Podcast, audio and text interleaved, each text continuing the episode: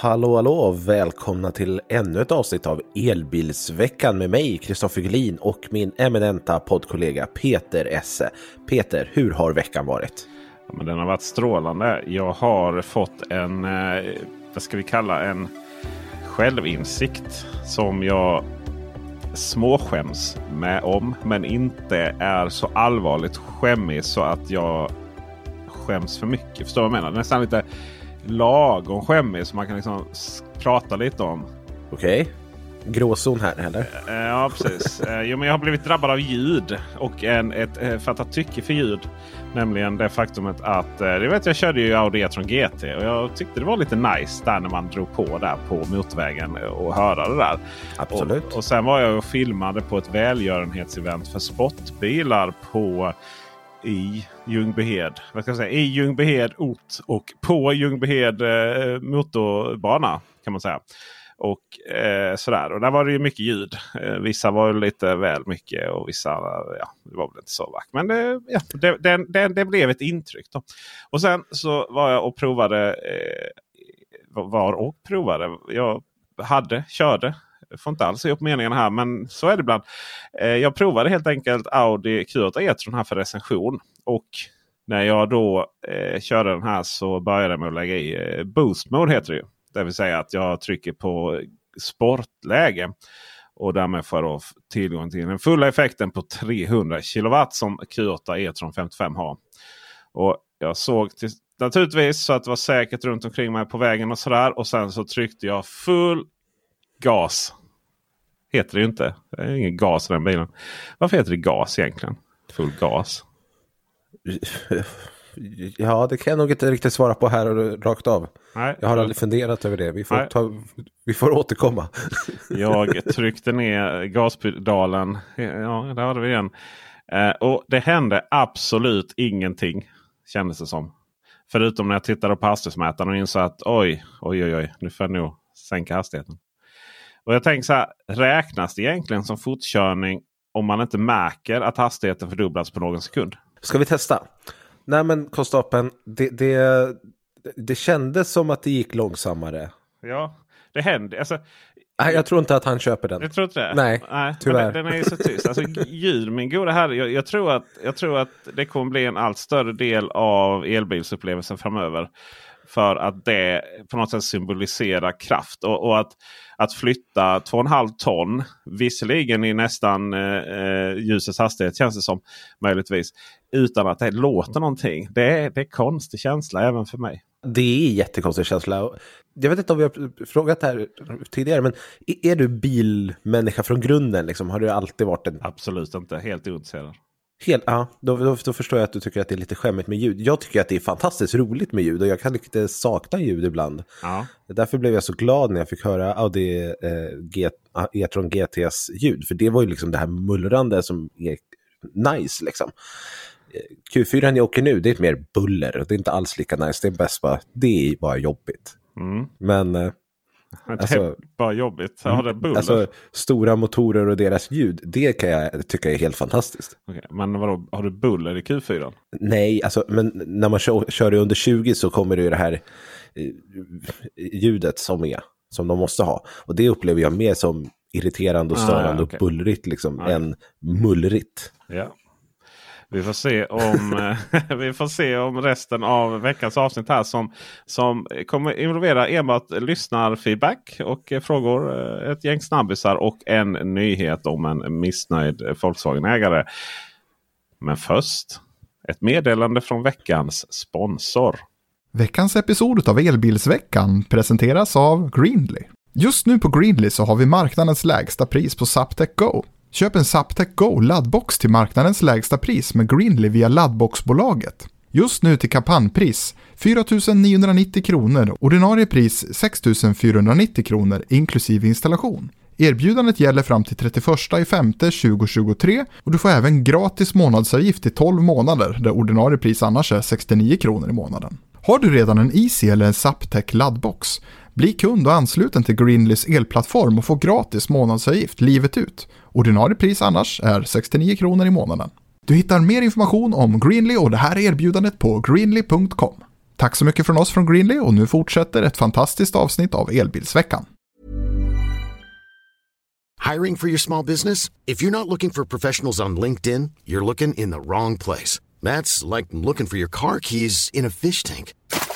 LinkedIn helps you hire professionals you can't find anywhere else, even those who aren't actively searching for a new job but might be open to the perfect role. In a given month, over 70% of LinkedIn users don't even visit other leading job sites. So start looking in the right place. With LinkedIn, you can hire professionals like a professional. Post your free job on linkedin.com slash people today. Burrow is a furniture company known for timeless design and thoughtful construction and free shipping. And that extends to their outdoor collection.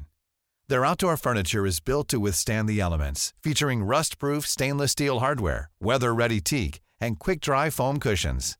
For Memorial Day, get 15% off your Burrow purchase at burrow.com slash ACAST and up to 25% off outdoor. That's up to 25% off outdoor furniture at burrow.com slash ACAST. Since 2013, Bombas has donated over 100 million socks, underwear, and T-shirts to those facing homelessness.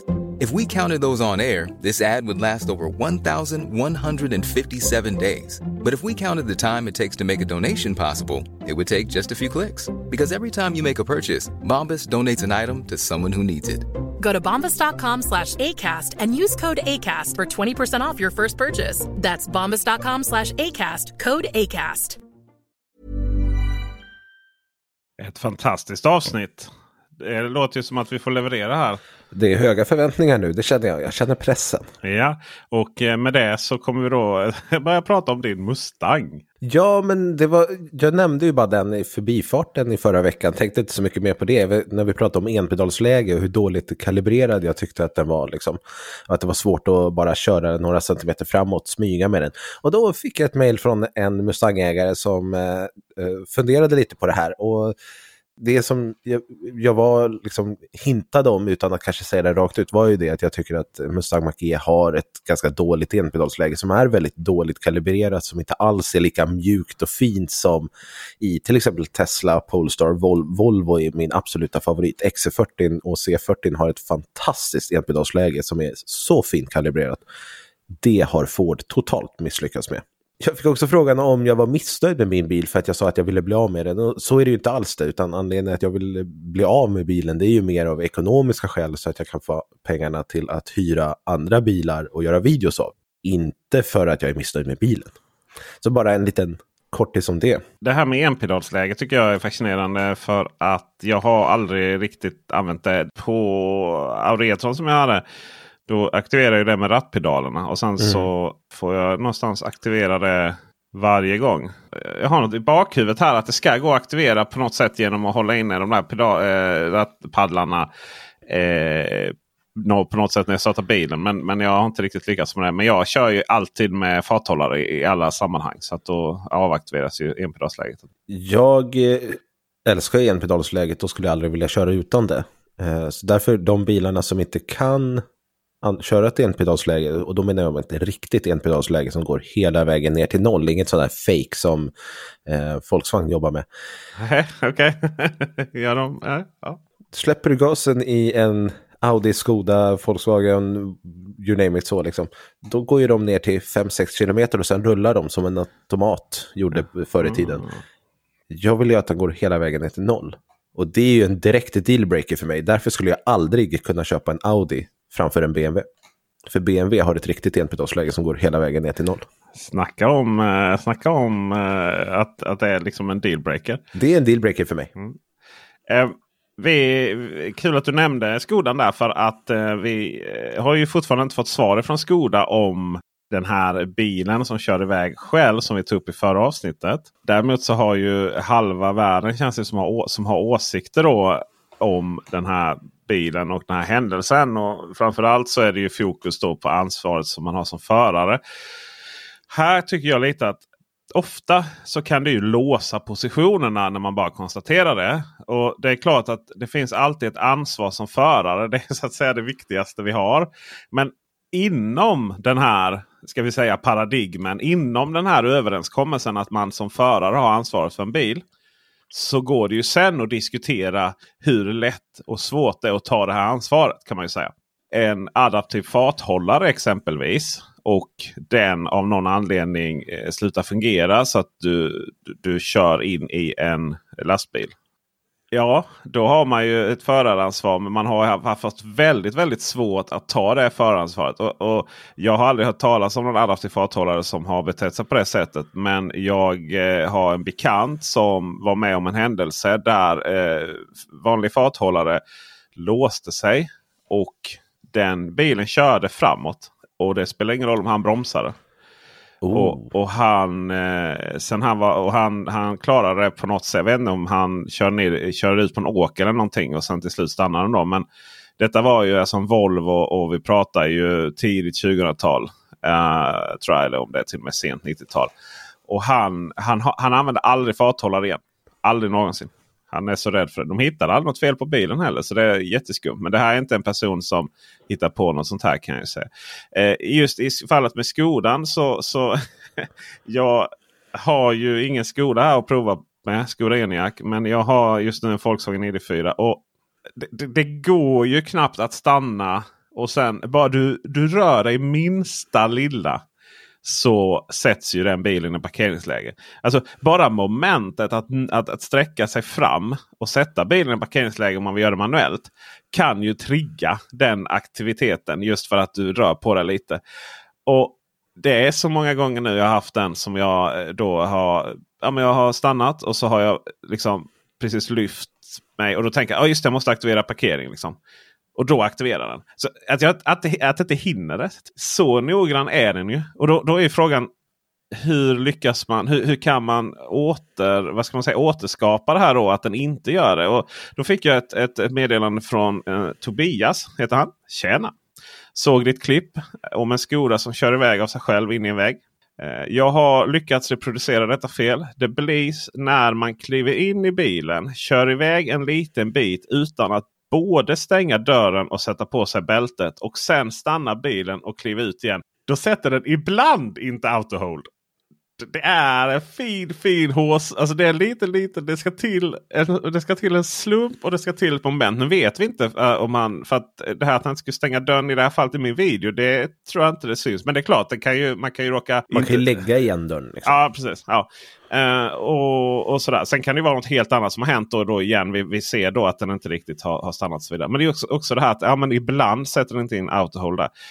Jag tror inte att vi kan ha bilar som erbjuder funktioner som som liksom skruvar fast sig i ryggmärgen. I detta fall nästan bokstavligt talat. Eller så här, det vill säga man rör på sig. Och sen liksom fallera en av tusen då. På, på grund av yttre omständigheter. Det, det, det, är en utmaning kan jag säga. Det är en riktig utmaning. Det är inte som de här eh, skyltavläsningarna där man liksom i, i, eh, i åtta av tio fall så vet man att varje gång man är ute och kör så kommer det där inte fungera. Då är man lite mer, eh, vad ska man säga, eh, on hold. Är man, inte. man är lite mer liksom uppmärksammad på att oj shit, det här är en 70-skylt där bredvid motorvägen. Nu kommer bilen tvärstanna. Och då lär man sig det beteendet. Liksom. Det handlar om att lära sig beteende och, och det, där har faktiskt biltillverkarna ett, ett stort ansvar tycker jag. Sen kan jag ju tycka det att hur man än ser på saken, att eh, vems fel det är, om det är Skodas eller förarens här och, och så vidare att Skoda ens har designat en bil som känner av att det sitter någon i förarsätet och ändå kan applicera gas är ja. ju helt rubbat. Där ja. i koden för bilen så borde det ju absolut finnas att sitter det någon i förarsätet? Nej, okej, okay, applicera broms. Mm. Eller och eller kan man säga också, lite beroende på hur man ser på det. Uh, nej men det är klart att en bil som har en sensor i förarsätet inte kan ska kunna köra iväg. Det är jättedumt. Liksom. Nej, I vilken händelse skulle man vilja göra det? Eh, en annan lösning på det hela där man inte liksom behöver hela tiden uh, ha de här fasta låsningarna. Är det förhandsfel fel eller Skodas fel då? Alltså inte på något sätt att jag menar att du och jag har den låsningen. Men i kommentarerna kan det ha varit lite så. På Q8 E-tron, den har ju inte Eh, stänga av eller sätta parkering om jag går ur bilen. För den har ingen sån sensor så, så vitt jag vet i stolen. då. Ja, fast den känner jag av om du är bältad eller inte. Om det sitter någon där. Så att någon form av sensor har den ju.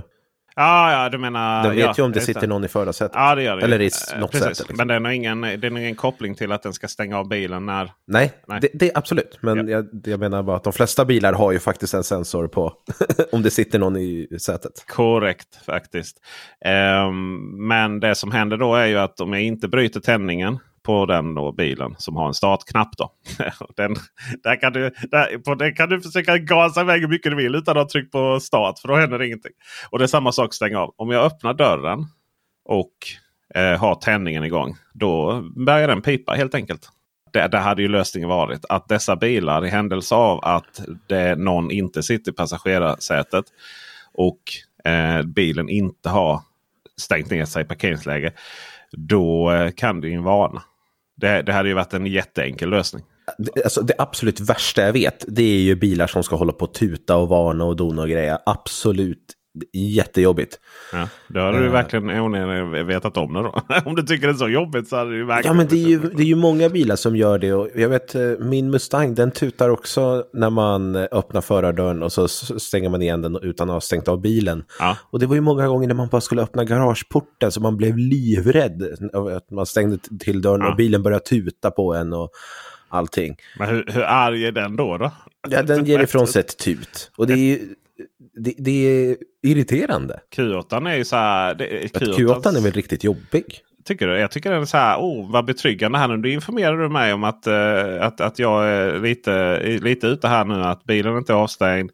Den eh, ligger bara i autohål och jag har gått därifrån. Liksom. Det är så här, det är trygg, eh, trygg information att ha. Jag, jag är ju mer av åsikten att om, du, om bilen ska bli arg på mig för att och hålla på att tuta och det för att jag har gått ifrån den när den är igång. Ja men stäng av dig själv då. För att du kan ju göra det. Jo, men jag menar att... jo, jo, jo, men om vi, om, vi, om vi möts här på mitten så tänker jag att du får det här ljudet då. Då vet... Alltså du har funktionen stäng av menar jag. Alltså, Ja. jag, jag gillar ju funktionen att den stänger av och sätter sig i parkeringsläge. Och har det som default. Men i händelse av att det skulle uppstå en situation där det inte sker och du inte sitter i... i alltså, ha det som en extra tillägg. Liksom. Att ha det som en extra... Nej men det får du nästan ge oss faktiskt. Tänk att, tänk att bilen... Alltså, alla andra jag, jag, system jag ser det fallerar. ju som en bättre anledning, då, eller bättre grej då, att biltillverkaren har kodat in att sitter det någon i förarsätet? Nej, det gör det inte. Okej, applicera broms. Ja, nej, men det är det jag menar. Men säg att det fallerar. Då kan jag få ett ljud. Ja, Jag tar det som ett ja. Härligt, tack. Eh, det, det så. Jag, jag funderar bara, så när skulle man... Det är ju det här med folk börjar prata om att man ska backa med släp och sånt. Eller backa med och så då av någon anledning så ska folk när de ska backa med husvagnar och sånt. Då ska de öppna dörren och luta sig ut och sånt och hålla på. ja det är det många gör. Men det kan ju också vara en aktiveringsfunktion. Hej nu ska jag backa ur backa med släpknappen här så var vänlig. Och, alltså det finns ju lösningar igen då. Vi behöver inte fastna. Ja, Man allt fler bilar sagt- har ju sådana här släp modes eller vad man kallar Ja, det. dessutom så ska fler eh, bättre att backa med eh, eller köra med hus, husvagnen själv. Det går ju lite sånt. Finns ju sån eh, mover. Ja, Eh, vi, eh, lite kul här. För ja, den här nästa, nästa grej som vi har fått har ju, fick vi innan du och jag började bråka om Ellie. Då, och, eh, sådär. Men den, den ger, ju, ger ju dig lite, lite brasa på veden här. Med tanke på att eh, på något sätt fastslogs att du skulle vara mer negativ mot Ellie än någon annan. Men Jag vill bara förtydliga, jag är mer emot att en aktör har hela marknaden. du är emot monopol alltså? Jag är emot monopol. Ja, eh, den, eh, det tror jag att vi, vi alla är. För det hade varit en hemsk, hemsk lösning. Vi fick ett läsarbrev ifrån eh, Mikael som skriver. Vi börjar tacka för en rolig och intressant podd du och Kristoffer kör. Ja, ibland sitter vi ner och ibland kör vi. Mest kör när vi lyssnar. Ja, nej. En bra och rolig start på veckan att lyssna på. Ja, men vad härligt. Tack jättemycket. Det värmer något så oerhört mycket Jättekul att faktiskt. Ska du veta. Ibland kan man ju tro att vi är... Eh, jag märkte att det inte alltid... Vissa tror att vi är bortom positiv feedback. Men tänk att trots min appearance så är jag blott ett litet mellanbarn ifrån Blekinge. Så jag behöver all, all kärlek jag kan få i livet. Och jag är ju storebror så att jag vet att jag är Ja. bäst. Exakt. Då, så då är det ju lika bra att bekräfta det. Så att inte liksom den, eh, men inte från Blekinge dock va? Inte Nej. från Blekinge. Nej, det var skönt. Eh, såg ett av dina senaste Youtube-filmer eh, att du skaffat Ellie. Har sen i början av april märkt att Ellie, eller som jag har, WeCharge. Alltså WeCharge är ju WeCharge är ju Volkswagens namn på Ellie. Det, men Ellie är ju Volkswagen. Så, så, ja. Eh, men i alla fall så eh, att de har problem med Virta. Efter rätt många mejl och deras kundtjänst både, eh, hos både Ellie och WeCharge har jag fått svar att jag har problem med Virta men saknar prognos. Det första svaren var mest att jag har många laddpunkter och inte kan ha koll på vilka som läggs till och försvinner. Och Virta är ju sånt där underliggande system som har dels sina egna laddpunkter. då. Eh, det är ganska klassiskt att olika biltillver- bil, inte biltillverkare, bilförsäljare och sånt har Virta-stationer. Men Virtas system används också av OKQ8 och faktiskt Eon, men inte Eon Clever. Eh, alltså inte Eon Drive då, inte de här stora feta längs motorvägarna. Utan eh, Ion Sveriges egna, ofta sådana här 50 kilowattare med fruktansvärda med, eh, med en eh, CCE-kontakt och CCS-kontakt förlåt, och eh, Chademo och AC-laddning för 42 eller 43 kilowatt. Så de, den typen av laddare från Mer då. Och, eh, förlåt, från Eon. Eh, ja, du ser. Det, men det, Mer har ju också sådana. Herregud. Ja, herregud. det har de. Ja, det har de. Det är exakt samma. Inte lätt att hålla koll på. Nej, verkligen. Tack. Eh, sådär. Och, och ICA också eh, har kör de systemet. Så det är därför till exempel om du har OKQ8 eller vi- mi, inte mer igen. OKQ8 Ion. Ja, men det är en förkortning av tre bokstäver. Det är skitjobbigt. Eh, OKQ8, ICA, Ion och Virta själva. Oavsett vilken app du har så kommer du se allas i, i, eh, i den här. Då. Och de syns också då i WeCharge Ellie. Eh, och då, så, då fortsätter han här. Tittar man på WeCharge hemsida och deras karta och klickar in Virta-laddare till- till exempel Gävle som de flesta destinationsladdare är just Virta. I Ellie-appen ser det ledigt ut eller upptaget men status ändras aldrig. Man ser också att Ellie WeCharge att namnet på Virtas laddare är visst då och, och, eh, och så vidare. Och så vidare. Och, men, i, men att de har olika namn då istället i Chargefinder. Jag är lite nyfiken om detta något du eller Kristoffer märkt av eller hört talas om om du använt Ellie. Man skulle önska att Ellie och WeCharge hade kommunicerat detta bättre om det är ett stort problem och hoppas att det löser sig snart. Ja, det är ett jättestort problem eh, faktiskt. Ellie är skitdåliga där. Och, och, och det gäller inte bara Virta. Jag vet att eh, de här eh, Allego har också haft problem och att, att det har handlat om Ja, men om du har ett nytt Ellie-kort så har det fungerat. Har du ett gammalt har det inte fungerat. Och massvis Ja, de verkar ha bytt teknik där eller, Ja. mitt i under perioden utan att tala om det för någon. Yes, och, och det här är så spännande. För här finns liksom ingen... Du vet, man är ju van vid till exempel om du har upp bredband eller om det är ja, elbolaget, på tal om Eon och så vidare. Om det är något strul då brukar det finnas statusuppdateringssidor. Och så får man reda på vad det kan vara. Liksom. Men, men Ellie de har ingenting sånt. De är så himla hemlighetsfulla. Och det är inte bara där. Jag vet ju vissa ladd, lite fristående laddoperatörer som bara ah, men ja, vi vill koppla upp oss mot Elli. Liksom, för vi vill att våra eh, stationer ska synas där då. Och det finns ingen, det finns liksom ingen så här, ja men hej. Eh, på deras webbsida eller någonstans finns det ingen så här, hej laddoperatör. Här, kontakta oss här om du vill ansluta oss till detta och så. Och sen då när man väl har lyckats eh, i- få tag på någon i den här djungeln. Då är det inte bara Ellie. För Ellie är beroende av, eh, liksom det finns, en, det finns nästan, som en betalningsväxel där någonstans i bakgrunden som alla använder. Så det finns ett centralt system som, eh, som allting går igenom. Och där är det inte heller helt lätt att ansluta sig till. och sådär. Så att det är bara sån misär kan jag ju säga i detta. Det är komplicerat och när, när saker och ting inte fungerar och inga ihopkopplingar då finns det ingenstans att vända sig och felanmäla detta. Så att vi är fortfarande i stenåldern när det kommer till dessa abonnemang. Ja, så är det ju. Eh, Jag tror Ellie fyller ett år i Sverige här nu. Jag tror att hon kommer i maj 2022. Ja. Eh, Helt eh, orelaterat i övrigt. Men jag brukar ju bara räkna med att kommer jag till en Virta-laddare då funkar inte Ellie. Jag vet, när jag gjorde någon långtest här och så kom jag till en eh, sån här Delta-laddare som utanför eh, Audi, som brukar det kunna vara. Fattade inte hur jag skulle betala. Testade med L-kort och så funkade det. Vart jätteförvånad. uh, så att, för, alltså OKQ8 funkar du inte på. Det är, också Virta liksom. Ja, just det. Det ska jag säga. Så OKQ8 frågade vi ju då förra gången. Uh, där i förra avsnittet. Där fanns ju inga som helst planer att ansluta sig. Precis, så att ja. Jag brukar bara anta att det inte funkar. Förutom just Eon Clever, där vet jag ju att det funkar. Just det, som inte är Virta dessutom. Nej, precis. De var ju inte Virta, så var det också. Mm. Nej, nej okej, är min tur att för, bli förvirrad. Ja, men ja. Gud, det är inte så lätt. Det är så här, okay, men bara, det finns Eon och så finns Eon Clever. Och det är bara så här, vad i hela friden? Eh, men eh, skillnaden då mellan Eon och Eon Clever, eller, eh, och Eon plus Clever kan också gå under namnet Eon Drive.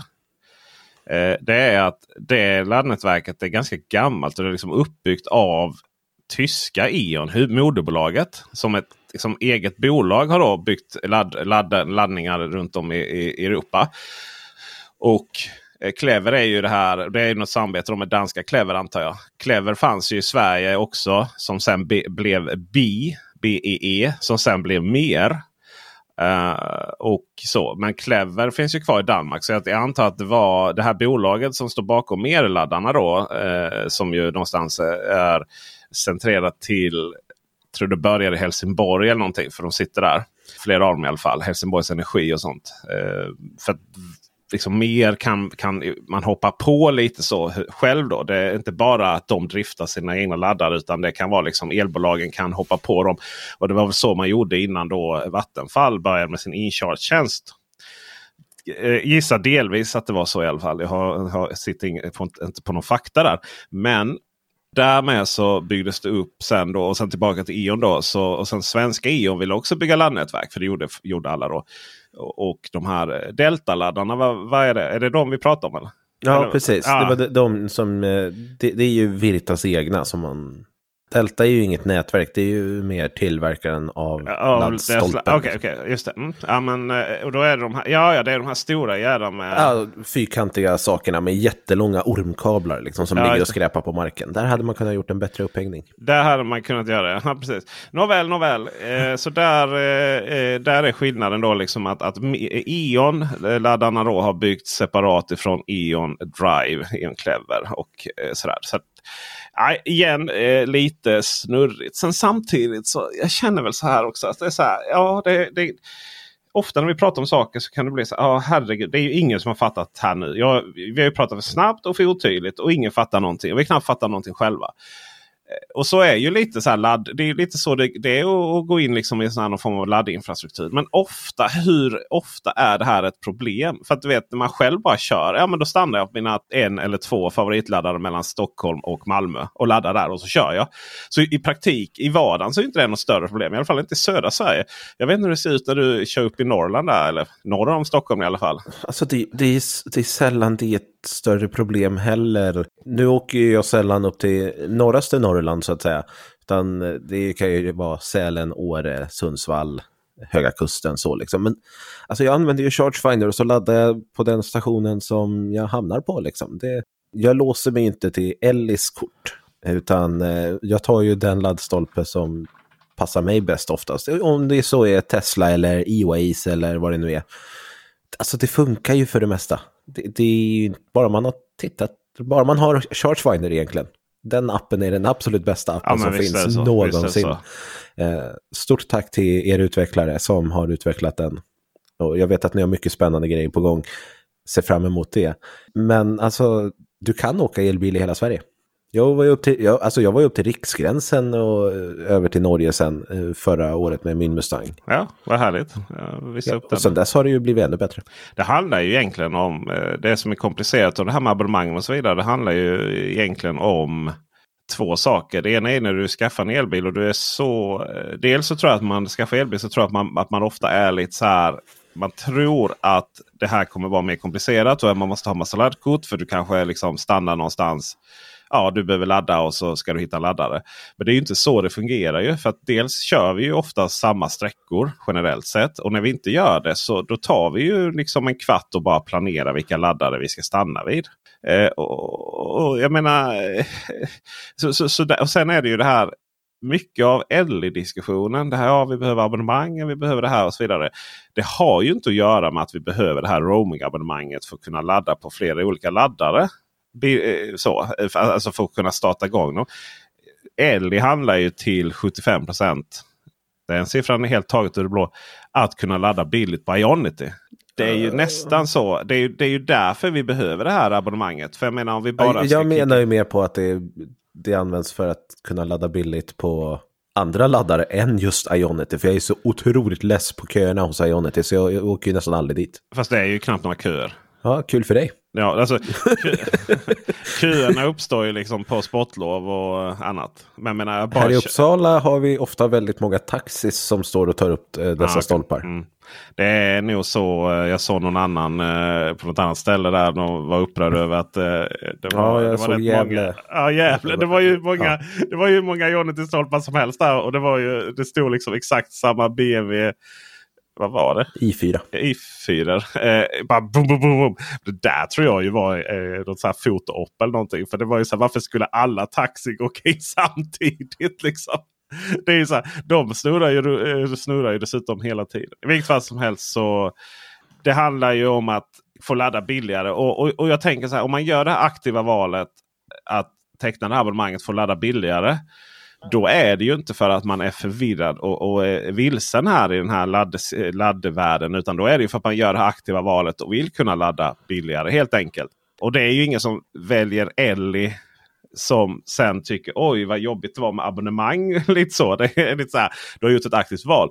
Däremot är det klart att om man har valt Ellie och sen så blir väldigt osäker på vilka laddare jag sen kan ladda på på vissa orter. Då har Ellie gjort ett ja, ett dåligt jobb helt enkelt. Vi ska gå vidare. På tal om dåligt jobb så fick ju Audi lite känga här för något avsnitt sedan om att det var lite svårt att konfigurera Q4. Jag kan säga att jag vet inte om det har blivit så mycket bättre. Men nej. lite bättre har det blivit har jag hört rykten om. Mm, nej men eh, det är så här att eh, Audi har faktiskt eh, tagit bort de här dubbla assistanspaketen nu. Och eh, när man då väljer till assistanspaketet så finns det då bara en och det är Pro då, även om de inte står där längre på hemsidan. Eh, men det är den högsta nivån som gäller. Och eh, helt enkelt fick vi förklaringen här att anledningen att de har haft flera varianter tidigare är bland annat på komponentbristen som har gjort att de har fått reducera innehåll i vissa fall. Och det ser man ju också där när man konfigurerar eh, eh Audi Q4 framförallt så står det inom parentes på vissa så här saker. Eh, att, jag vet inte exakt, jag vet inte exakt vad det står men det är, så här, det är tydligt att tar vi den här så blir det lång jävla leveranstid alltså på det panoramataket. Och eh, det pågår också ett projekt för att förenkla beställningsstrukturen för Q4 E-tron. Och förhoppningsvis så blir det tydligare framöver.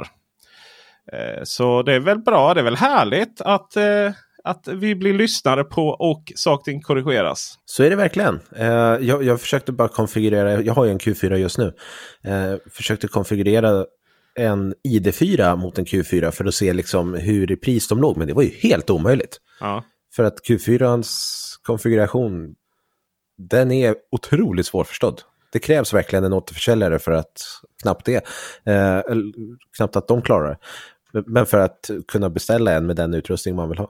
Så det är bra att höra att eh, de håller på att förbättra det där. Mycket bra, mycket bra. Det finns ju inget att förlora på det där. kan Absolut man säga. Inte. Ingen har något att förlora på.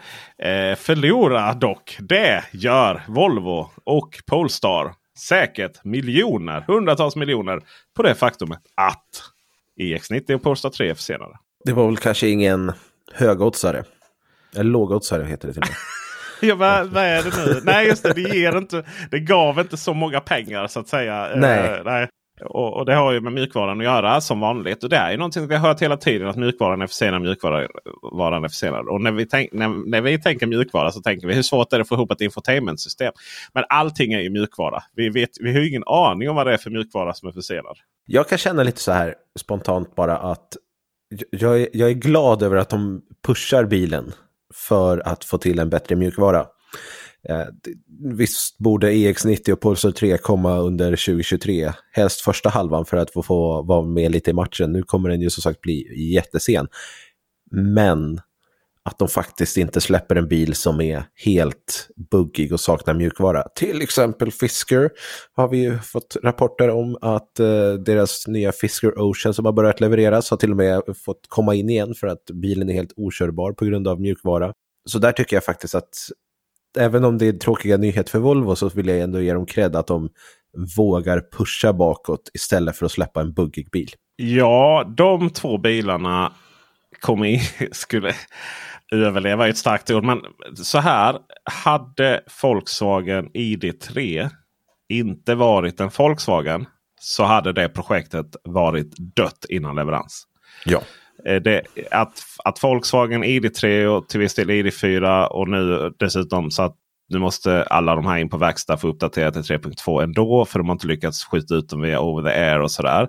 Och detta är då andra gången de åker in på verkstad för att de fick åka in på verkstad för att byta ett Eh, inte 12 volts batteri. Har de 48? Nej, de har inte 48 volt. Det är vanligt 12 volt. Okej, okay, vanligt 12 volt. Så fick byta det.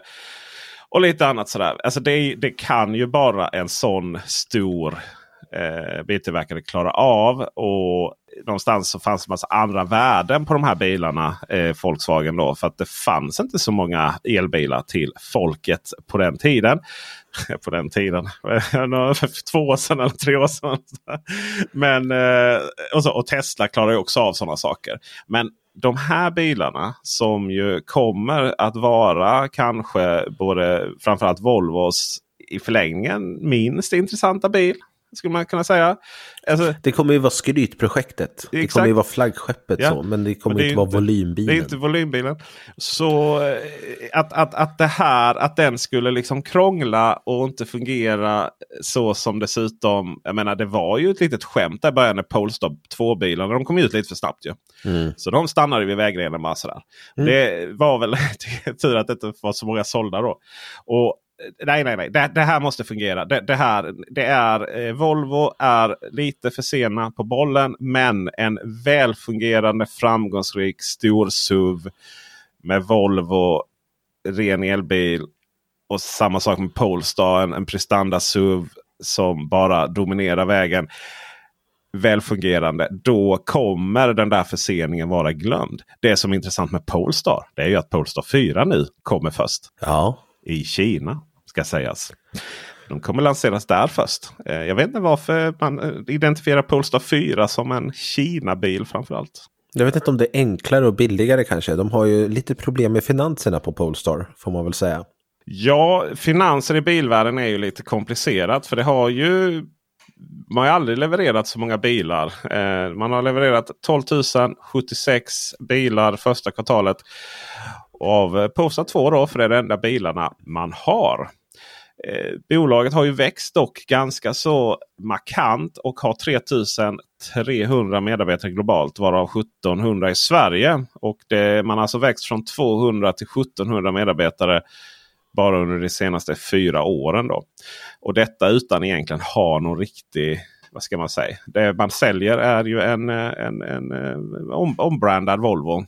Och eh, det tar ju naturligtvis på finanserna. Man har ju fått pengarinjektioner lite hela tiden. 10% av dock de här 3300 medarbetarna kommer att få eh, hitta andra jobb inom bilbranschen. Kanske. Precis som Volvo som du sa. Eh, men då var det 6% Men de har ju lite fler medarbetare Volvo. Men är det här 10 av styrkan i Sverige? Det är 10% av den globala styrkan. Men, okay. om, om, man, men om man tar det jämnt så blir det 170 personer för svensk del. Då. Det är inte lika mycket som eh, Volvo men det är fortfarande eh, ja. många personer som ändå kan bilar. Det finns ju jobb till folk inom bilbranschen. Jag tänker så här. Gud vad många människor som jobbar inom bil. Jag tänker så här, Volvo där, de, de skulle säga upp 6 av, av personalen på typ eh, legal. Liksom. Hur många jurister behöver Volvo? undrar man ju. Lite så här, förlåt. Alltså nu är man ju ute och bara cyklar. Man, vi har ju ingen koll på detta överhuvudtaget. Men det är en personalintensiv verksamhet. Det får vi ju säga då. Och, och jag menar det här inkluderar inte fabriksarbetarna. Då. Någonting som kanske kan generera lite pengar till Volvo, hoppas de säkert i alla fall, och vi avslutar Volvo-segmentet på en lite positiv nyhet, är ju att EX30 ska visas upp den 7 juni. Och oj vad exalterad jag är. Ja, det verkar ju vara din bil. Fast eh, jag fick höra här på omvägar att du är lite besviken ändå. Men alltså, jag skulle ju helst vilja ha en liten premium-SUV liksom. En, mm. För de flesta små premium-SUVarna idag, det är, ja, men om vi kollar på Q4 E-tron, eller E-tron Q4, eller vad den heter. Och sen har vi ju BMW iX1. eller vad den heter. Audi Q4 E-tron heter den. Ja, okej okay då. De sätter ju E-tron på olika ställen hela tiden. Eh, jag upplever ingen av dem som särskilt bra elbilar. Och nu tänker jag så här, ja men Volvo vill ju gå upp i premiumsegmentet, bla bla bla. Och EX90s interiör ser ju fantastisk ut. Kan vi få en liten, riktigt härlig premium-SUV här nu då från Volvo? Får vi inte det då? Jag tror inte det, för att de har ju själv sagt att det här ska vara en bil för ungdomar som ska ha, eller ungdomar, men eh, för, för det yngre folket och ska, som ska ha råd med den bilen. Och då köper ju inte de dyra bilar. Men alltså interiörsmässigt, så, den var, såg ju rätt lik ut. Tyckte jag. Ja. Jag kollar på bilderna som har, de har släppt. Eh, däremot så tog du fasta på en liten eh, styrspak. Ja, styrspak var det kanske inte, men eh, jag såg ju eh, en genomgång av EX90 här nu. Volvo har ju hittat på det här dumma påhittet som Volkswagen har gjort med rutarna. Där eh, du har bara två knappar på förarsidan och sen så måste du trycka på rear, aktivera rear för att kunna höja och sänka rutorna i bak. Istället för bara ha fyra knappar.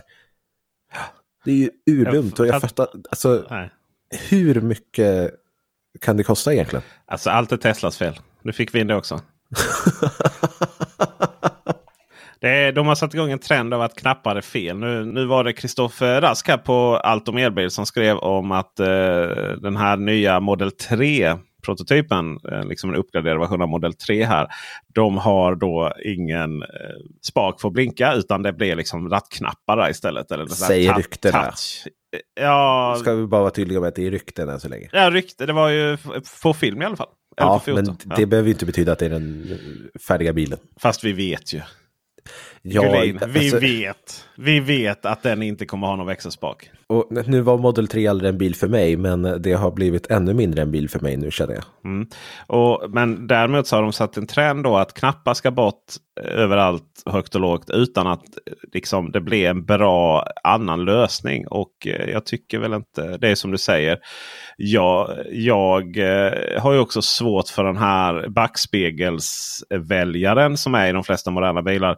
Där du har en liten skruv som du ska dra åt vänster, du ska dra åt höger. Eh, och sen så ska, kan du då ställa in backspeglarna. Jag vill ha två knappar där som jag bara, ja men höger, vänster. Alltså Volkswagens sätt att göra det där på, det är så förvirrande. Ja. Jag, jag lyckas ju knappt ändra eh, speglarna i Audin. Jag lyckas. Ja, där... De har ju också den där snurrande. Ja, jag vet. Jag vet. Nej, jag kommer inte, eh, kommer inte ihåg exakt eh, den där. Men det, det, är mycket möjligt. Jag lyckades dra in båda backspeglarna då. För, för det fanns ju inte på den Audi jag hade. Utan jag lyckades på ID4 nu. Så lyckades jag dra in båda backspeglarna i fan. när jag skulle försöka ställa in dem så de ja, men, alltså, Det är det jag menar. Liksom. Det, det, det, är så... Det är overengineered. Ja, det är det. det är, alltså, ha två knappar bara och så en ja. liten joystick som jag kan sköta det där på. Liksom. Klart. Exakt. Ja, visst. Och herregud, med... Vi ska inte gå in och prata touchskärmar och Volkswagen här. Det får bli ett senare avsnitt känner jag. För att eh, det, det kommer att bli så ostrukturerat. Men knappar är inget fel. Man gör inte ett fel som utvecklare om man sätter knappar i bilen. Det är bara att det ska inte vara för många knappar.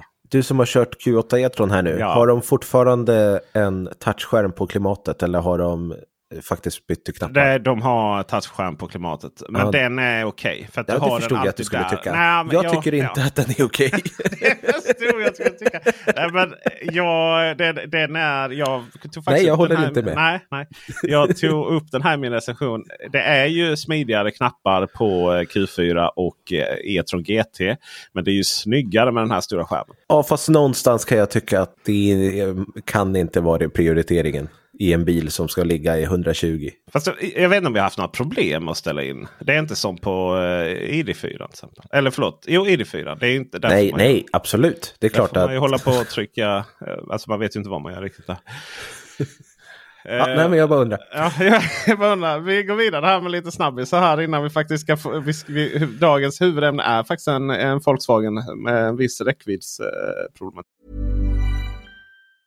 A lot can happen in the next three years. Like a chatbot may be your new best friend. But what won't change? Needing health insurance. United Healthcare Tri Term Medical Plans are available for these changing times. Underwritten by Golden Rule Insurance Company, they offer budget friendly, flexible coverage for people who are in between jobs or missed open enrollment. The plans last nearly three years in some states, with access to a nationwide network of doctors and hospitals. So, for whatever tomorrow brings, United Healthcare Tri Term Medical Plans may be for you. Learn more at uh1.com. Many of us have those stubborn pounds that seem impossible to lose, no matter how good we eat or how hard we work out. My solution is PlushCare. PlushCare is a leading telehealth provider with doctors who are there for you day and night to partner with you in your weight loss journey. They can prescribe FDA-approved weight loss medications like Wagovi and Zepbound for those who qualify.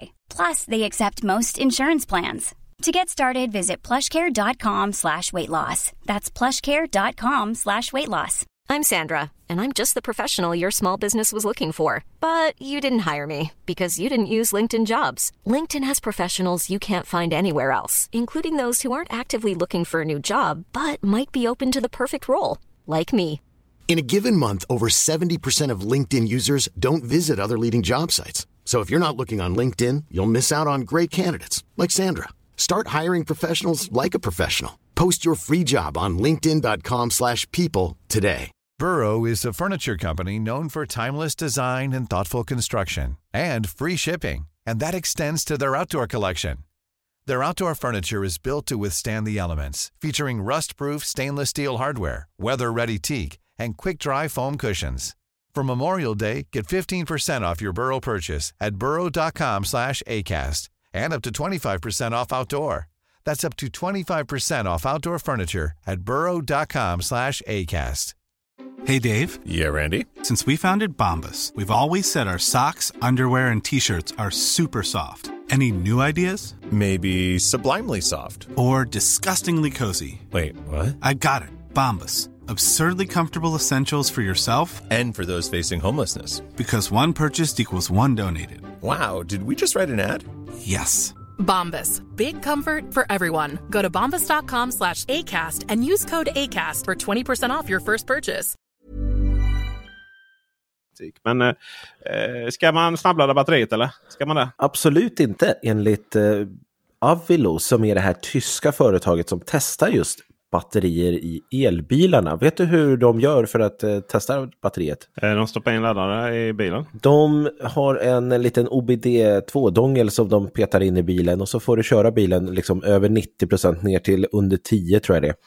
Eh, och sen använder en massa data där eh, för att eh, räkna ut hur eh, mycket bilen har förbrukat och hur mycket som finns kvar och massa sådana spännande saker. Men jag vet inte riktigt vad, hur ska vi förhålla oss till detta? Jag menar vi snabbladdar inte för det skoj. Utan för att vi behöver. Nej, precis. Och jag tycker det är jätteintressant för att det var många som, eh, när den här nyheten släpptes, så det var många i kommentarsfältet som menade på att ja, okej, men då kommer i eh, annonserna sen, begagnat annonserna, så kommer det liksom, ej snabbladdad kommer vara en del av grejen. Ja. Men där kände jag lite så här, så länge man inte har en sån där rapport så spelar ju, alltså, det spelar ju absolut ingen roll. Det är många som skriver fint körd och det har man ju ingen aning om. Liksom. Nej. Är det så att vi vill ha ett samhälle där vi inte snabbladdar så mycket, då tycker jag att vi borde fokusera mer på hemmaladdning. Det är väl klart som så att vi vill hemmaladda av alla andra anledningar. Det finns ingen aktivitet att ta baseras på detta. Utan alla vet ju att snabbladdning det är ingenting vi gör på, för skojs skull. Men det är ju klart som vi har då kunnat se på Ionity-köerna att om det är billigare att ladda ute på stan på Ionity så gör vi det istället för att ladda hemma. För att jag tror inte att det finns. För så var det ju i vintras då här nere i Skåne. Och då, då, tror jag inte någon säger så här. Oh, nu ska jag, måste jag sitta och göra ett Excel-kalkylark här och, och, och, och jämföra eh, snabbladdning eh, där hemma. Eller på, på stan eh, med laddning hemma. Och sen å andra sidan så du vet eh, ladda vad är, det som, vad, är det som, vad är det som skadar batteriet då? Jo, det är ju värmen. Det är det allting handlar om det är inte i sig hastigheten på hur protoner och allt vad det heter där går mellan plus och minus. Utan det är ju själva värmen som uppstår. Och, och, det är klart att eh, det hade ju varit smidigare om det inte gick så snabbt att snabblanda. Men vi, det är ju vi som konsumenter som hela tiden kräver det. Och jag menar det är så här någon lanserar en bil här nu. Det, oh, det var bara 170 kW laddning. Men herregud i himmelriket. Hur snabb laddning behöver du liksom? Eh, när du står där. I vilket fall som helst så är det väl så att det finns helt an massa andra parametrar som kommer att spela roll. Det är ju som du säger då hur snabbt det går. Eller hur enkelt och smidigt det går att ladda hemma. Det är det som någonstans kommer att spela roll huruvida vi laddar hemma. Och för mig som har hus då är, är det ju lite enklare. För dig som har bostadsrätt är det lite svårare. Men inte omöjligt. För du håller ju på att försöka få in laddare då i garaget där. Stort ord med försöker. Det, det är där nyckeln är. AOL keyword försöker. Jaha, varför, vad är det som inte... eh, det är ingenting vi behöver ta just nu. Eh, vi kan oj ta det sen. Oj, oj, vi tar det off. Eh, för det, det, här är ju ett projekt du har lovat att det ska pratas ja, om. Så att säga. Problemet med en bostadsrätt är att det är demokratiskt. Ja, ja, ja. ja. Man, man, kan inte som ensam eh, eh påverka 100 procent. Om Nej, andra okay. säger emot. Men det, där men det bli, jobbar vi på. Det, det, det, det kommer, det kommer att bli, ja, men det kommer bli en sån här, det kommer bli jätteenkelt. För det kommer vara precis som bredband. Det var, så, äh, det var lite tveksamt. Och sen, sen började det liksom så här. Sen var det någon som kom på att ja, men om vi pratar om att det minskar värdet. Alltså att eh, värdet på bostaden här när vi ska sälja den, kära pensionärer, eh, kommer att öka då. Aha, nej, men då är det klart vi ska ha fiber. Och, du vet, kom, och, och då var det inte en sanning. För då var det liksom inte en, en dealbreaker huruvida det var fiber in, indraget i lägenheten eller inte. Det var liksom inte den stora grejen. Sen blev det ju sanning. Skulle du köpa en bostadsrätt idag utan fiber indraget? Aldrig, aldrig inte alls. Nej. Eh, och, och, det är samma sak med, det är samma sak med eh, eh, garagen här nu för de som har garage. Alla har ju inte det. För att du kan ju, eh, du kan ju lösa det genom att köpa tillgång till parkeringshus och sådana saker. Eller bil, bilpool och sånt. Men eh, Eh, där det finns garage. Och så kommer ja men det finns garage i bilen. Ja, ja men aha, hur lång kö är det? Ja, nej, men det är väl ungefär ett halvår. Så, ja, men det är väl rimligt. Liksom. Ja, ja, och så laddning. Nej, vi har ingen laddning. Nej, ni har ingen laddning. Nej, nej men eh, tack för, tack för visat intresse. Det, det är helt orimligt. Eh, så det kommer att lösa sig. Sen har vi andra utmaningar. Vi har, vi har samfällighetsföreningar som har ett, regelverk som inte är från denna eh, de, sidan av 1800-talet. Som har det jättetufft med det. Eh, men det är då också på väg att lösas. Och sen så har vi ju de som inte har några garage eller parkeringsplats överhuvudtaget. Och där är det naturligtvis så att eh, samhället måste börja bygga eh, laddstolpar runt om. Och enklast är ju helt enkelt att bara börja sätta upp dem längs gatorna. Och jag hade en väldigt intressant grej här nu. Och eh, vi sidesteppar lite men jag kom på det här. Jag blev inbjuden som engagerad samhällsmedborgare i den vackra, eh, jag skulle säga kanske världens bästa stad Malmö. Eh, och hur det är att köra elbil och parkera här då till eh, eh stadens parkeringsbolag. Hoppsan! En liten lokalkändis alltså? Eh, ja, kan man säga. Så går det när grannen, grannen jobbar på P Malmö. exakt. Ja, sett många elbilar här ute. Liksom. Eh, jag får faktiskt in två bilar på uppfarten. Eh, har, jag, har jag märkt nu. Eh, det är rätt imponerande. Jag ska ta en bild här och lägga upp i show notes nu. Det ser ut som att man har prånglat in två stycken metallboxar här på en liten uppfart. En Nio ET5 och en eh, Volkswagen E4. I alla fall, jag var där och så pratade vi lite. Men vad ska liksom parkeringsbolag satsa på? Och notera nu att jag har ingen. Det här var liksom en allmän diskussion. Om det är någon som av någon anledning har ett, ett förhöjt intresse av exakt hur eh, och vad laddare och så ska bygga i P Malmös parkeringshus så är inte det här någon information. Utan det är liksom lite att vi hade en allmän diskussion. Och jag kom väl på där och då att parkeringsbolag eller parkeringshusägare. De skall satsa på hur många kilowatt i laddarna? Kristoffer Gullin tror du jag argumenterade för. Jag hoppas inte att du satsade på 11 per plats, men 3,7 i alla fall. Alltså, du är för bra för mig. Jag hade trott att du skulle säga så här. Nej, men det är väl enda rimliga att säga 22 kilowatt då va? Nej, det jag tycker nog inte att man ska... Åh herregud! hur, hur klok är du då helt plötsligt? Nej, men det, kan ju, det finns ju bara ett svar där. Det kan ju bara vara 3,7 kilowatt per laddare. Det, det, det, kan ju inte vara någonting annat. För att, okej, okay, ja men då satsar vi på 11 kilowatt. Ja men då har du ju då får du, då får du ju färre laddare. Ja, nej men alltså ja. det är det jag menar. Det är, det är bättre att ha 100 parkeringsplatser på 3,7 kilowatt i en sån här ja. destinationsgarage där folk står över natten. Ja, eller dagen. Eller dagen, absolut. Pendling, jobbpendling och sånt. Absolut. Ja. Ja. Eh, än att det finns 10 platser med 11 kilowatt. Ja, de har ju det. Eh, Sen absolut, det, är det, ju helt, det bästa är ju naturligtvis om man kan lastbalansera dem däremellan så att eh, det kan gå mellan 3,7 ja. upp till 11. Ja, ja, ja, ja, ja, ja. okej. Okay. Eh, kommer till det. Idag så till exempel om vi, om vi kör på eh, Park, and, Park and Charge, eller säga, Park and Ride, alltså det, det här parkeringshuset som är ute i Hyllie. Det första stora då för de som är bor i Malmö. Men det finns ett parkeringshus ute i Hyllie som passar jättebra att parkera i och sen ta tåget då över till Köpenhamn eller någonting. Så om man ska till, istället för att köra över bron själv, om man ska till Kastrup och, och ut och flyga eller vad det kan vara, så kan man då parkera i det parkeringshuset. Och sen går man bara typ, kan man krypa avstånd då till, till tåget då ut, ut till eh, eh Kastrup. Köpenhamns flygplats. Alltså. Eller Malmös flygplats brukar jag säga. Eh, och där har de, de har väl typ 8-10 laddare som är någonting sånt. Och det var så här, jag har aldrig sett en ledig plats där. Never ever liksom. För det går inte bara ha ett parkeringshus som får plats med 1000 bilar. Nej men 500 kanske, jag vet inte vad det är. Och så är det liksom 10 elbilsladdare där. Det är ju ett jävla hål liksom. Mm. Nej, och, och då säger någon att ja men varför inte bara varför inte ha liksom 511 kW laddare? Ja, 500 gånger, ja om vi räknar 10, eh, 10 kilowatt. Då. 500 gånger 10 är ju 5000 kilowatt. Det är alltså 5 megawatt. Det, det, det, det, finns ju inte. Men det är därför vi har lastbalansering. Jo, jo, men om jag säger att man ska... Eh, nu är vi inte, ja, Okej, okay, vi är inte där än. Förlåt. Vi är inte riktigt där. Nej, tänkte, nej. Utan det var det här. De, för att det, här någonstans. Det var ju P, P Stockholm eller Stockholms stads parkering. De fick ju jättemycket kritik att de bara satsade på 3,7 kilowatt mm. då. Varför det inte var 11 kilowatt och sånt. Eh, jo, men detta är ju svaret. Det, det finns inte den effekten. Och faktum är att det kanske är så att vi inte ska lastbalansera upp till 11 kilowatt. Utan det kan ju vara så att ska man få in så många laddare så kanske man till och med behöver lastbalansera så, så att det går ner under 3,7 kilowatt. Man kan inte gå ner så himla mycket under där. För att om du går under 4 ampere så eh, då laddar inte bilarna överhuvudtaget. Då tar de ingen ström. Då. Men då kommer vi då till den här frågan. Ja men om vi lastbalanserar då. Då kanske vissa bilar kan få 11 kilowatt. Ja. Fast vill du vara beroende av att det är så här. När vill du få så mycket? När vill du ha så hög effekt? Jag menar, när vill du vara beroende av det? För då, då, då hamnar det, ja men jag kanske får 11 kilowatt.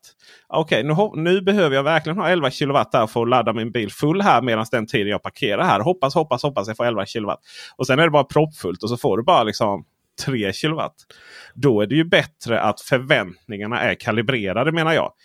Laddar du här så får du 3,7 kilowatt 100% varje gång. Ja, det, det, vet jag inte. Jag tror att den situationen är ganska liten. Som sagt, vi pratar ju om eh, garage där folk står en längre tid. Då, då, då tänker jag att det spelar kanske ingen större roll.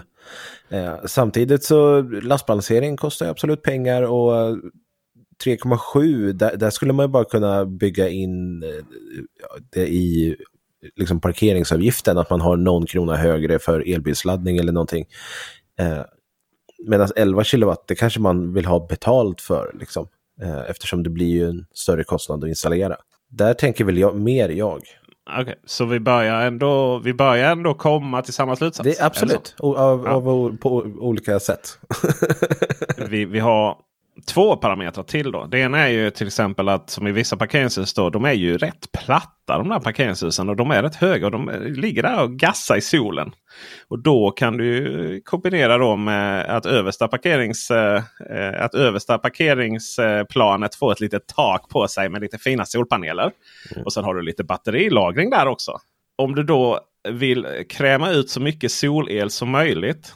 Då vill du ju inte heller att någon ska stå och finladda där. Alltså du vet, det blir ju ändå... Förstår vad jag menar liksom? Att då vill man ju ändå hålla ner effekten. Eh, så, man vill inte öka den i onödan. Det finns inget incitament att öka effekten. Om det inte är så att du kan ta mer betalt då för 11 kilowatt. Eh, naturligtvis som du sa. För då helt plötsligt kan man använda det för att återinvestera och så vidare. Mm. Men enklast är ju bara att inte investera i det. För att någonstans så, så ja, alltså någonstans kanske det är snarare så här att eh, i så fall så är det bättre att installera DC-laddare på bottenplanet. Liksom. Eh, för de som bara ska eh, ha ett möte en timme. Kanske. Alltså du vet du har ett gäng 50 kilowattare i så fall. Då, då, då blir jag nyfiken på eh, om vi tänker oss inte bara långtidsparkering utan köpcentrum. Det är ju allt fler köpcentrum som sätter upp 3,7 kilowatts-laddare. Ja, det är ju, Det är ju helt helt hål i huvudet. Ja, det är helt meningslöst.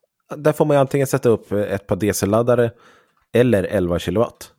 11 kilowatt är ju nästan på gränsen det också liksom för när man bara Ja. går in och handlar. Men nej, vi har ett stort köpcentrum här i Uppsala som har satt upp, eh, som har slagit på stora trumman, de har 60-80 laddare nu eller vad de nu skryter om. Men de är Ja. på 3,7 kilowatt och så här, Ja. V- vad tror ni? Jag tror att vi, det är intressant, vi handlar ju, du och jag handlar ju inte. Jag, jag tänker att, nu kommer det. Jag tänker att det här är en genusfråga. Oh, alltså nej. Mm. Jag, jag tror mer på att det, alltså erkännande kommer här. Jag har inga problem med att spendera ett par timmar på Ikea. Jag tycker det är jättehärligt. Det är jag. Ja, ja, ja, visst. Får, men får vi generalisera då? Ikea just också det. Så, här, det var så jävla bo liksom. Det finns hur, hur mycket som helst roligt där. Ju, så. Men eh, fyra timmar på Ikea med 11 kilowatt. Ja det är klart. lite. Jag vet inte riktigt vad man försöker lösa. Nej, vad menar, alltså det, det finns ju den här he, hela, hela he, tillbringa hela dagen nästan på eh, på liksom ett, ett, ett stort handelsområde. Så att det finns ju. Men just köpsätt, jag håller med. Ja. Men, det, det där är ju nästan så här, men varför ska jag... Det där har blivit en sån här plug-in hybrid grej tror jag. Du vet, Ja, det, det, det är bara, det, är bara meningsfullt för dem. Att, att, att, att pysladda i tre timmar, liksom 3,7 kilowatt. Det är, liksom, det är bara menings, meningsfullt för en plug-in hybrid. Det är inte värt att, att, att poppa frunken för det kan jag säga för en annan. Nej men alltså när jag rullar in där med mitt 91 kilowattimmars batteri liksom på Mustangen. Så här, ja okej, här kan du få, om du står stilla här i tre timmar kan du få 10 kilowattimmar. Ja, ja. Wow, tack. Tack. Jag kan ju Ja. också åka bort och stå tre minuter på Eon Clever där borta och så har jag liksom 10 kilowattimmar där. Men då har du, då, då har du degrerat batteriet lite extra. Där. Jaha, ja det är sant, det är sant. Då är bilen mindre värd efteråt. Ja, ja, precis. Nej, men vi, ska, vi ska avsluta den här punkten. Eh, lite utsvävning här. Men jag, jag tänker att eh, fram, fram, framtiden, i framtiden då, va? då kommer det säkerligen inte handla så mycket om hur många mil en bil har gått. Utan dess batterihälsa. Det är jag ganska så säker på. Mm. Men du, någon som inte gillar att snabbladda är ju Christian i Mullsjö. Nej, han är inte alls nöjd på sin ID4. Ja, Han var verkligen missnöjd kan man ju säga. Den, det, det har blivit en sån här klassiker den här SVT Jönköping-inslaget om en Christian som är otroligt missnöjd med sin ID4 som bara går hälften av den marknadsförda räckvidden. Det låter inte bra någonstans. Nej, det får man väl ändå säga va? Han eh, är är riktigt hängaläpp här och det är både video och SVT har eh, även pratat med Volkswagen, Marcus Thomas folk där, som är kommunikationschef. Så jävla otacksam intervju. Och man märker också hur han blir avbruten precis han ska utveckla sitt resonemang. Nej men precis, precis. För han säger ju där liksom att vi, precis som alla andra tillverkare, vi eh, marknadsför ju den maximala räckvidden och det, det är ju liksom ingenting konstigt. Och sen så ska han fortsätta, varpå SVT ställer någon ny fråga där och liksom inte låter han. Jag tycker att artikeln, SVT har gjort ett ganska dåligt jobb här för att balansera upp det. Eh, men jag har hört att du har gjort mer än att tycka. Ja, jo, jo. Men äh, det tänker jag att vi ska... För jag är så himla intresserad för du har spoilat lite här genom, under veckan. När du liksom har sagt Mm. nu, nu ska jag name names och kicka rumpa liksom. Ja, alltså, okej, då kan vi ta, ta den biten. För jag måste säga att jag är också väldigt besviken på hur den här nyheten har tagits emot bland elbilsentusiaster. På Facebook. På Facebook och eh, i forum och allting. Det har varit väldigt mycket att eh, Christian är dum i huvudet, han har inte gjort sin research, han är en idiot och det är allt möjligt kasta ord här. Och, Det är lite starkt. hur, hur kan man, eh, har man eh, liksom inte lärt sig någonting eller så? Och, alltså, Christian säger själv i inslaget att äh, informationen om att räckvidden inte att den bara var i optimala förhållanden dök upp först för tre, fyra månader sedan. Så att han gör ju ett svårt case för sig. Men jag tycker att många också kanske, jag läser den här nyheten på ett annat vis. Jag känner också så här, ja visst att VLTP inte är, följer verkligheten, det, det är ju ingen nyhet så liksom. Men, men är det kanske inte att man missar poängen här? Måste man sitta och säga att Christian är en idiot? Han kanske har en poäng här. Vi kanske pratar för mycket om räckvidd och VLTP i, eh, vi, när vi gör YouTube, eh, i an, re, recensioner, i liksom marknadsföring. Varför pratar vi inte kanske mer om förbrukning? För förbrukning, det är ju någonting som alla är med på går upp och ner beroende på hur fort man kör och beroende på eh, dittan och dattan. Medan räckvidd verkar vara något sånt som är satt i sten, att bilen ska gå 500 kilometer om det så är snöstorm eller strålande sol. Liksom. Jag tycker att hela industrin den skulle må bra av en, ett skifte till mer fokus på förbrukning. För det är, kan jag tycka är mer intressant många gånger också.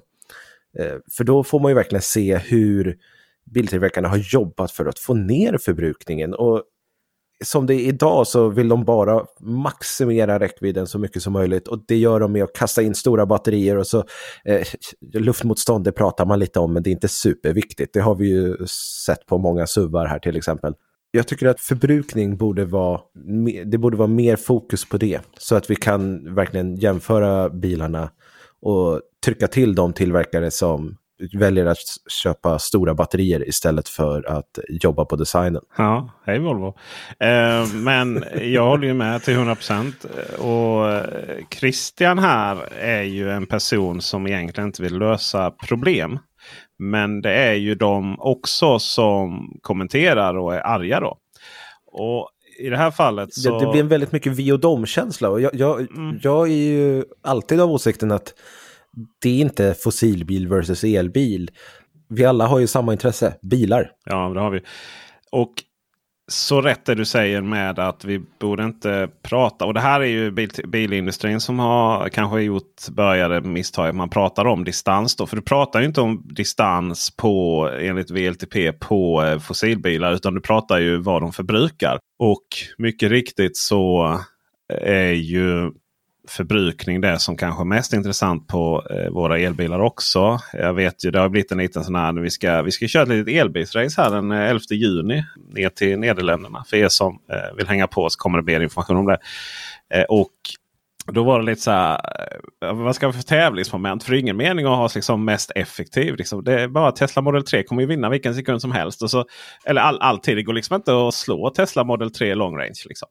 Och då är det så här, då säger man det som ett problem. Men det är så här, vilken bil. Vilken fantastisk ingenjörskonst att kunna köra en bil ner på eh, jag vet inte vad den drar. Ingenting. typ. Jag hade en kompis här som skickade sin genomsnittlig genomsnittliga förbrukning här på sin senaste resa. här Nu när det börjar bli lite bra grader ute på sin Tesla Model Y. Alltså han ligger på, jag ska säga, de Teslorna visar ju watt eh, timmar. Eh, så han låg ju på 114 wattimmar i eh, det vill säga 1, per, per kilometer. Det vill säga 1,4 Eh, nej, 1,1 eh, eh, avrundat då.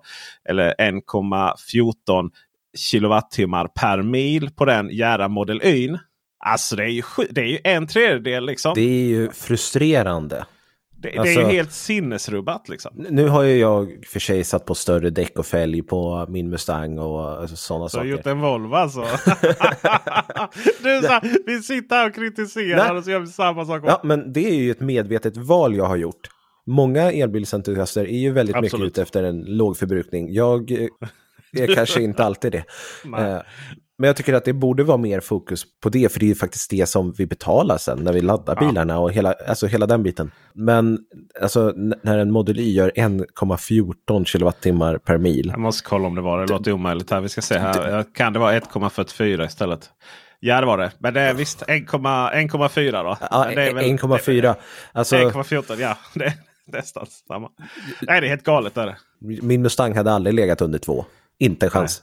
Nej. Nej, Nej det finns ju inte. Det finns ju inte. Och, eh, så här, här, eh, eh, här finns det ju mycket att lära. Då. Dels nummer ett är ju att mycket riktigt så räckvidd då på en elbil marknadsfördes som maximal räckvidd. Jag tycker inte, jag tycker, jag tycker inte att eh, bilbranschen har gjort ett dåligt jobb där. De har inte på något sätt sagt att det här kommer att, att ha den här räckvidden i alla, alla tillfällen. Utan tvärtom så har man faktiskt varit ganska tydlig med det. då.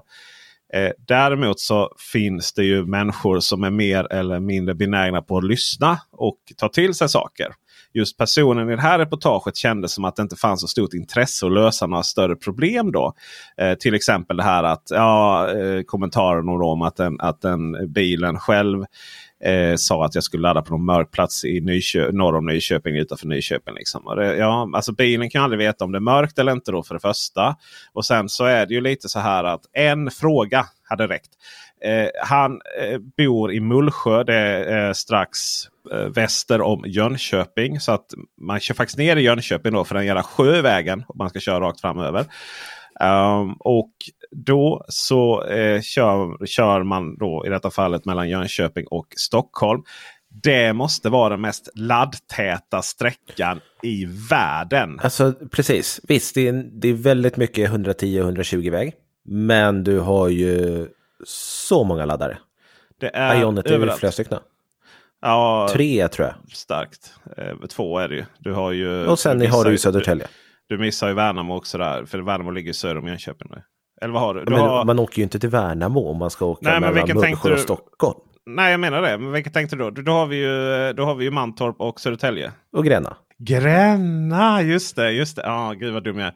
Ja, ja, visst. Eh, du, du har ju dem. Och sen så har du ju i Ödeshög har du ett gäng. Och i, eh, i, bara, i, bara blott i Jönköping för att stanna och toppa upp så har du ju laddare överallt. Sen kan man ju då till, till Christians försvar då. Om det inte, eller ja, försvar, försvar. Om det inte finns något intresse överhuvudtaget att, att lära sig någonting om bilen.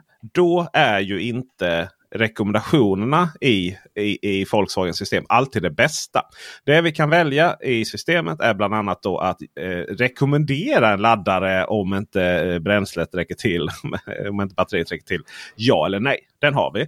Och sen så har vi då använd WeCharge. Eller prioritera WeCharge-laddare ja eller nej.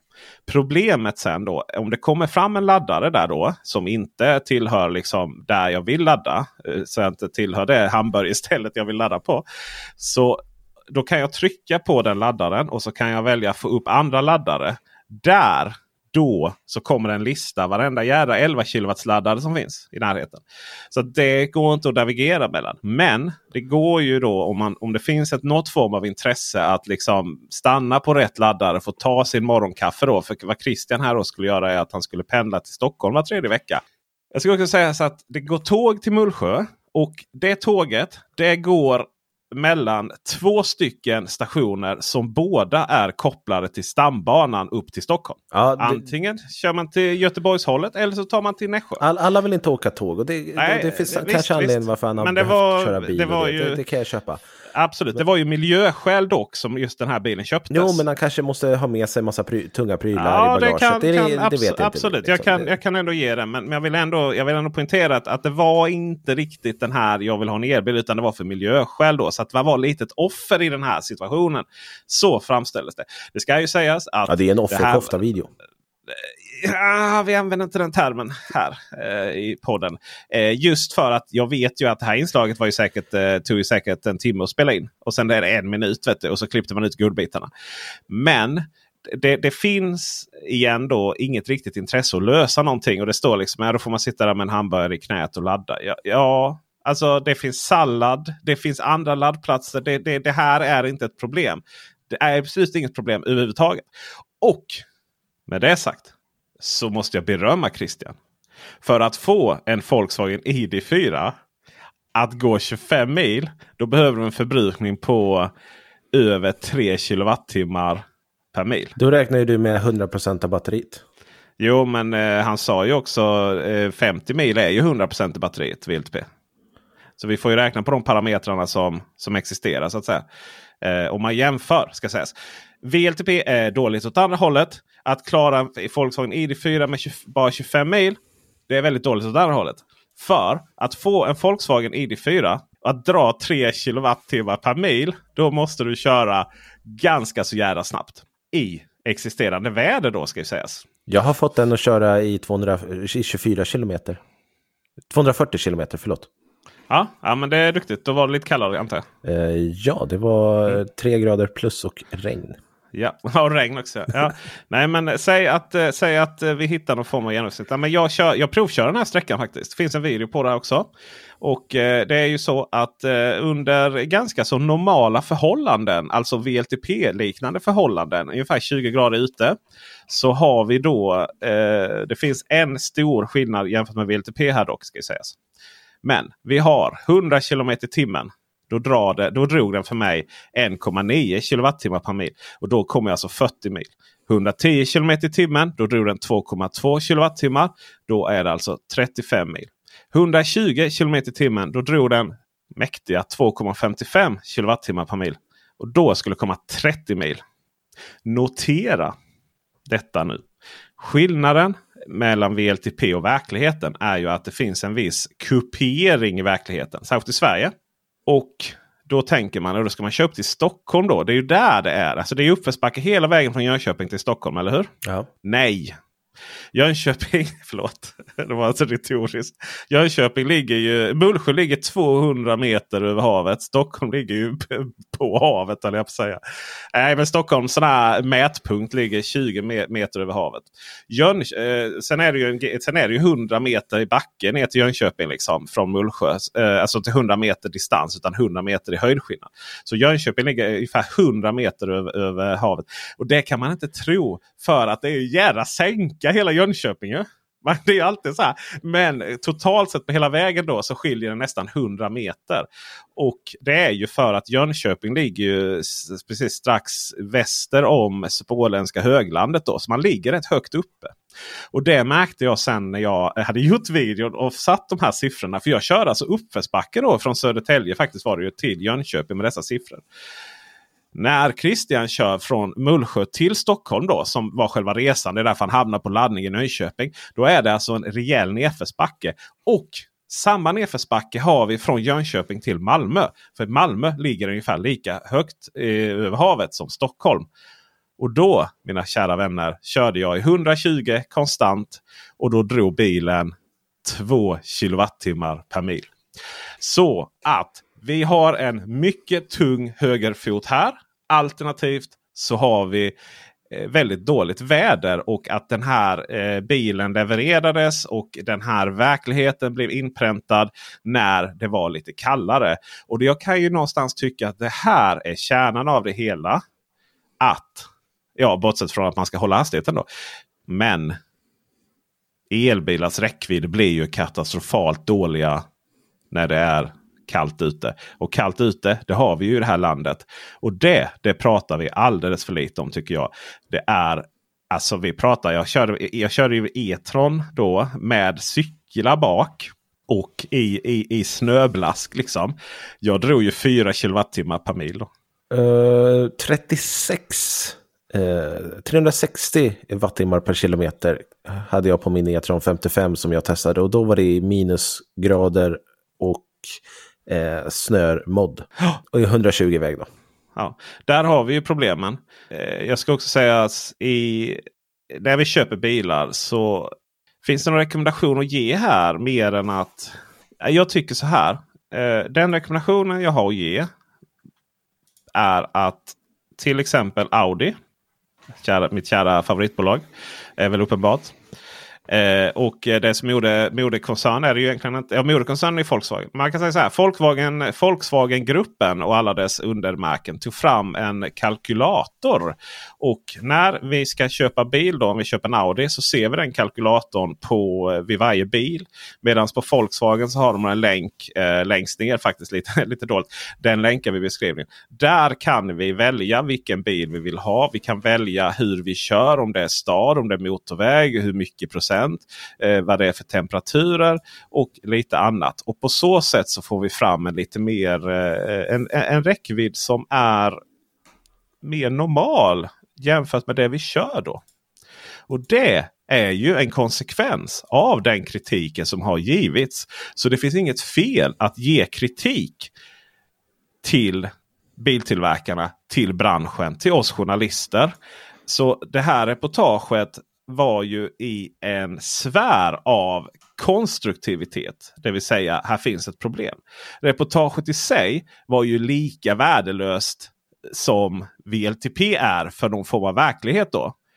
Eh, så reportaget som enskild händelse var ju helt värdelöst. Det var ju en lokal tv-nyhet som jag vet som, som tenderar till att spridas mer på internet. Sådär. Så det är inte heller så att den som gjorde reportaget hade i arbetsuppgift att, ta, att göra ett riksreportage med en stark granskning om detta. Utan hans uppdrag, den här journalistens uppdrag, det är att göra ett lokal tv-reportage om en person i Mullsjö som inte var nöjd med sitt bilköp. Och ur den synvinkeln så var det ett bra lokal tv-reportage.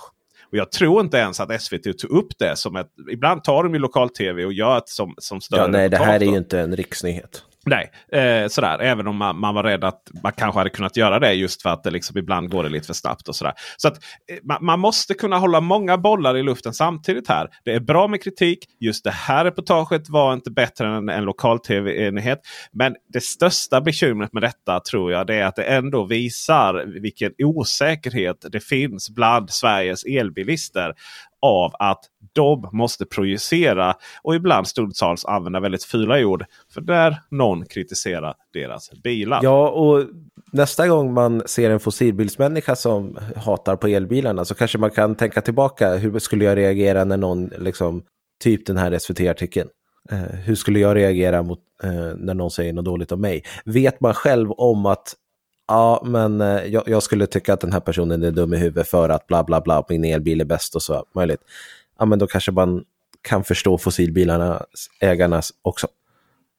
Sen är det ju lite så. Det går ju att uh, gå vidare i livet efter en sån kommentar utan att bry sig så mycket. Jag tror en av uh, en, ett litet tips här. Alltså, många frågar ju ibland med Peter. Varför, hur, hur mycket tid har du liksom att jobba och sådär? Uh, du producerar rätt mycket. Ja, tack så mycket säger jag då. Alltså, svaret på den frågan är att jag inte lägger så himla mycket tid och energi på att sitta och hata på internet. Va? När man kan göra så mycket annat liksom. Gå ut i ja. solen och filma bilar. Exakt. Påminner att jag måste köpa ett ND-skydd. Och med det mina vänner så börjar vi bli klara här. Vi tackar naturligtvis vår avsnittssponsor Greenly eh, genom att spela upp deras sponsormeddelande här igen. Veckans episod av Elbilsveckan presenteras av Greenly. Just nu på Greenly så har vi marknadens lägsta pris på Zaptec Go. Köp en Zaptec Go laddbox till marknadens lägsta pris med Greenly via laddboxbolaget. Just nu till kampanjpris 4 990 kronor, ordinarie pris 6 490 kronor inklusive installation. Erbjudandet gäller fram till 31 2023 och du får även gratis månadsavgift i 12 månader där ordinarie pris annars är 69 kronor i månaden. Har du redan en Easy eller en Zaptec laddbox? Bli kund och ansluten till Greenlys elplattform och få gratis månadsavgift livet ut. Ordinarie pris annars är 69 kronor i månaden. Du hittar mer information om Greenly och det här erbjudandet på greenly.com. Tack så mycket från oss från Greenly och nu fortsätter ett fantastiskt avsnitt av Elbilsveckan. Och oss når du på, eller ni, eller vilka nu som vill mejla på eh, Kristoffer att eh, elbilsveckan.se eller se att elbilsveckan.se eller info att elbilsveckan.se. Tack så mycket ljudtekniker Dennis Klarin för ännu ett välarbetat avsnitt. Det ni hörde nu det var inte alls så strukturerat i verkligheten. Tänk vilken magi man kan göra med lite mjukvara på datorn. Tack och hej! Hej på er!